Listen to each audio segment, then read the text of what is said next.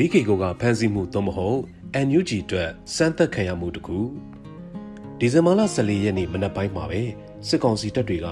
မြောက်တွေကတဆင့် KNU တပ်သားဟောင်းတွေနဲ့အရက်သားတွေနေထိုင်ကြတဲ့လေးကေကောမြို့ကိုဝင်ရောက်ပြီး NLD လွှတ်တော်ကိုယ်စားလှယ်တဦးနဲ့အခြားပြည်မကထွက်ပြေးတင်းရှောင်သွားသူလူငယ်စီဒီအန်ဝန်ထမ်းတချို့ကိုဖမ်းဆီးသွားကစစ်ကောင်စီတပ်တွေလေးကေကောမြို့ထဲကရက်ကွက်တစ်ခုမှာတပ်ဆွဲထားလိုက်တယ်လို့ဆိုပါတယ်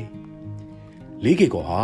KNU ကစီရေးအရာထိန်းချုပ်ထားတဲ့ area တော့မဟုတ်ပါဘူး။အပြစ်ရက်ပြီးငြိမ်းချမ်းရေးဆွေးနွေးကြချိန်မှာ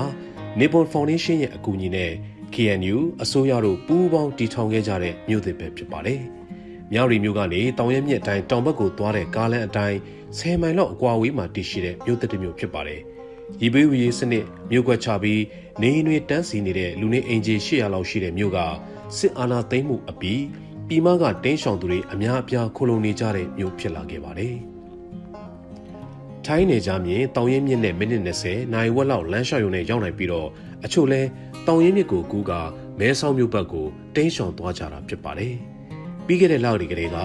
လေးကေကောကိုစစ်ကောင်စီတပ်တွေလာရောက်စစ်ဆေးတာတွေရှိခဲ့ပေမဲ့အဲ့ဒီအချိန်တုန်းက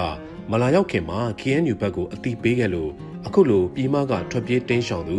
နိုင်ငံရေးအရာခိုလုံသူတွေ ဖမ်းဆီးခံရတာမျိုးမရှိခဲ့ပေမဲ့အခုဒီချိန်မှာတော့ကြိုတင်အတိပေးခြင်းမရှိဘဲနဲ့ရုတ်တရက်ဝင်ရောက်ဖမ်းဆီးခဲ့တာပဲဖြစ်ပါတယ်။ဒီပြက်ကိုသုံးသက်ကြည့်မယ်ဆိုရင် NUG အစိုးရအနေနဲ့ပြည်တွင်းထဲမှာပဲမိမိတို့ကိုယ်တိုင်ထိန်းချုပ်ကာကွယ်ပေးထားနိုင်တဲ့လွတ်မြောက်နေမြေတစ်ခုရှိဖို့လိုအပ်တဲ့အချက်ကပေါ်လွင်ထင်ရှားလိုလာနေပါတယ်။ NUG အစိုးရဖွဲ့ဝင်တွေဆက်ဆက်ကူညီလုပ်ကင်ပေးနေသူတွေဟာလက်ရှိ KNU ထိန်းချုပ်နေမြေမှာ အများအပြားခိုးလုံနေထိုင်ကြသူတွေရှိသလိုအိန္ဒိချင်းနိုင်ငံဘက်မှာလည်းနေထိုင်ကြသူတွေရှိပါတယ်။ KNU အနေနဲ့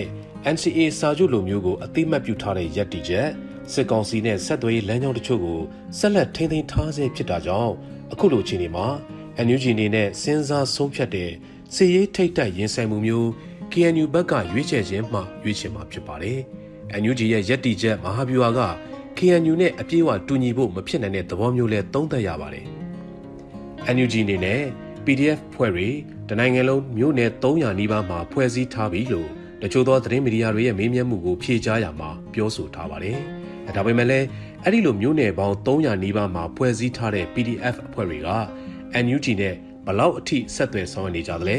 စစ်ကောင်စီတပ်တွေကိုတိုက်ခိုက်ကြရမှာဘလောက်အထိမဟာဗျူဟာနီးဗျူဟာအရာပူးပေါင်းဆောင်ရွက်ကြသလဲ တကူဒီသောအမိန်ပေးမှုစနစ်အောက်မှာရှိကြတာလားစတဲ့အသေးစိတ်မိကုန်းတွေကရှင်းရှင်းလင်းလင်းမသိသေးတဲ့သဘောလေးဖြစ်ပါတယ်မြန်မာနိုင်ငံအလဲပိုင်းနဲ့အထက်ပိုင်းစကိုင်းတိုင်းမကွေးတိုင်းမြောက်ပိုင်းတို့မှာမြို့နယ်အချို့လွတ်မြောက်နေပြီလို့သတင်းဖော်ပြမှုတွေကပြောဆိုနေကြပေမဲ့ KNU, KIA, TNL တို့လိုလွတ်မြောက်နေမြေပိုင်ဆိုင်မှုထူထောင်နိုင်မှုမရနိုင်သေးတဲ့အနေအထားပထဝီဝင်အနေအထားရလေမြန်မာနိုင်ငံအလဲပိုင်းဝိုင်းပတ်ချေမုန်းခံရနိုင်တဲ့ ပထဝီဝင်အနေအထားလိုနေရာမျိုးမှာလွတ်မြောက်နေမြေထူထောင်ဖို့ဟာညံနေရကြတဲ့အကြံဉာဏ်ဖြစ်ပါလိမ့်မယ်။အခုလိုပြည်မကမြို့တွေရွာတွေဒေသတွေမှာ PDF လှုပ်ရှားမှုတွေမြို့တွေမှာပျောက်ကြားသပိတ်လိုနေစဉ်နဲ့အမျှဖြစ်ပွားနေချိန်စစ်ကောင်စီက NUG ရဲ့ပင်မနေရာလိုဖြစ်တဲ့ကရင်ပြည်နယ်နဲ့ထိုင်းနယ်ဇက်ကစခန်းကိုချင်းချောက်လာခြင်းဟာ NUG ရဲ့မဟာဗျူဟာ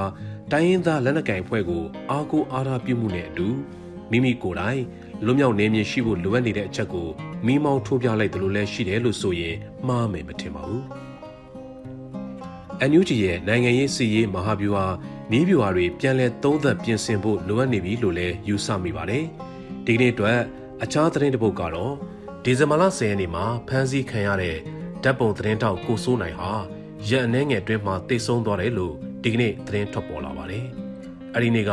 ရန်ကုန်မြို့လာတာမြို့နယ်မှာ သူနဲ့အတူအခြားဓာတ်ပုံသတင်းတောက်တယောက်လည်းဖမ်းဆီးခံခဲ့ရပြီးကိုစိုးနိုင်ကစစ်ကြောရေးမှာလက်လွန်ချင်းလွန်နှိပ်စက်ရင်းအသက်ဆုံးရှုံးရတယ်လို့ယူဆရပြီးဒီဖြစ်ဖြစ်ဟာ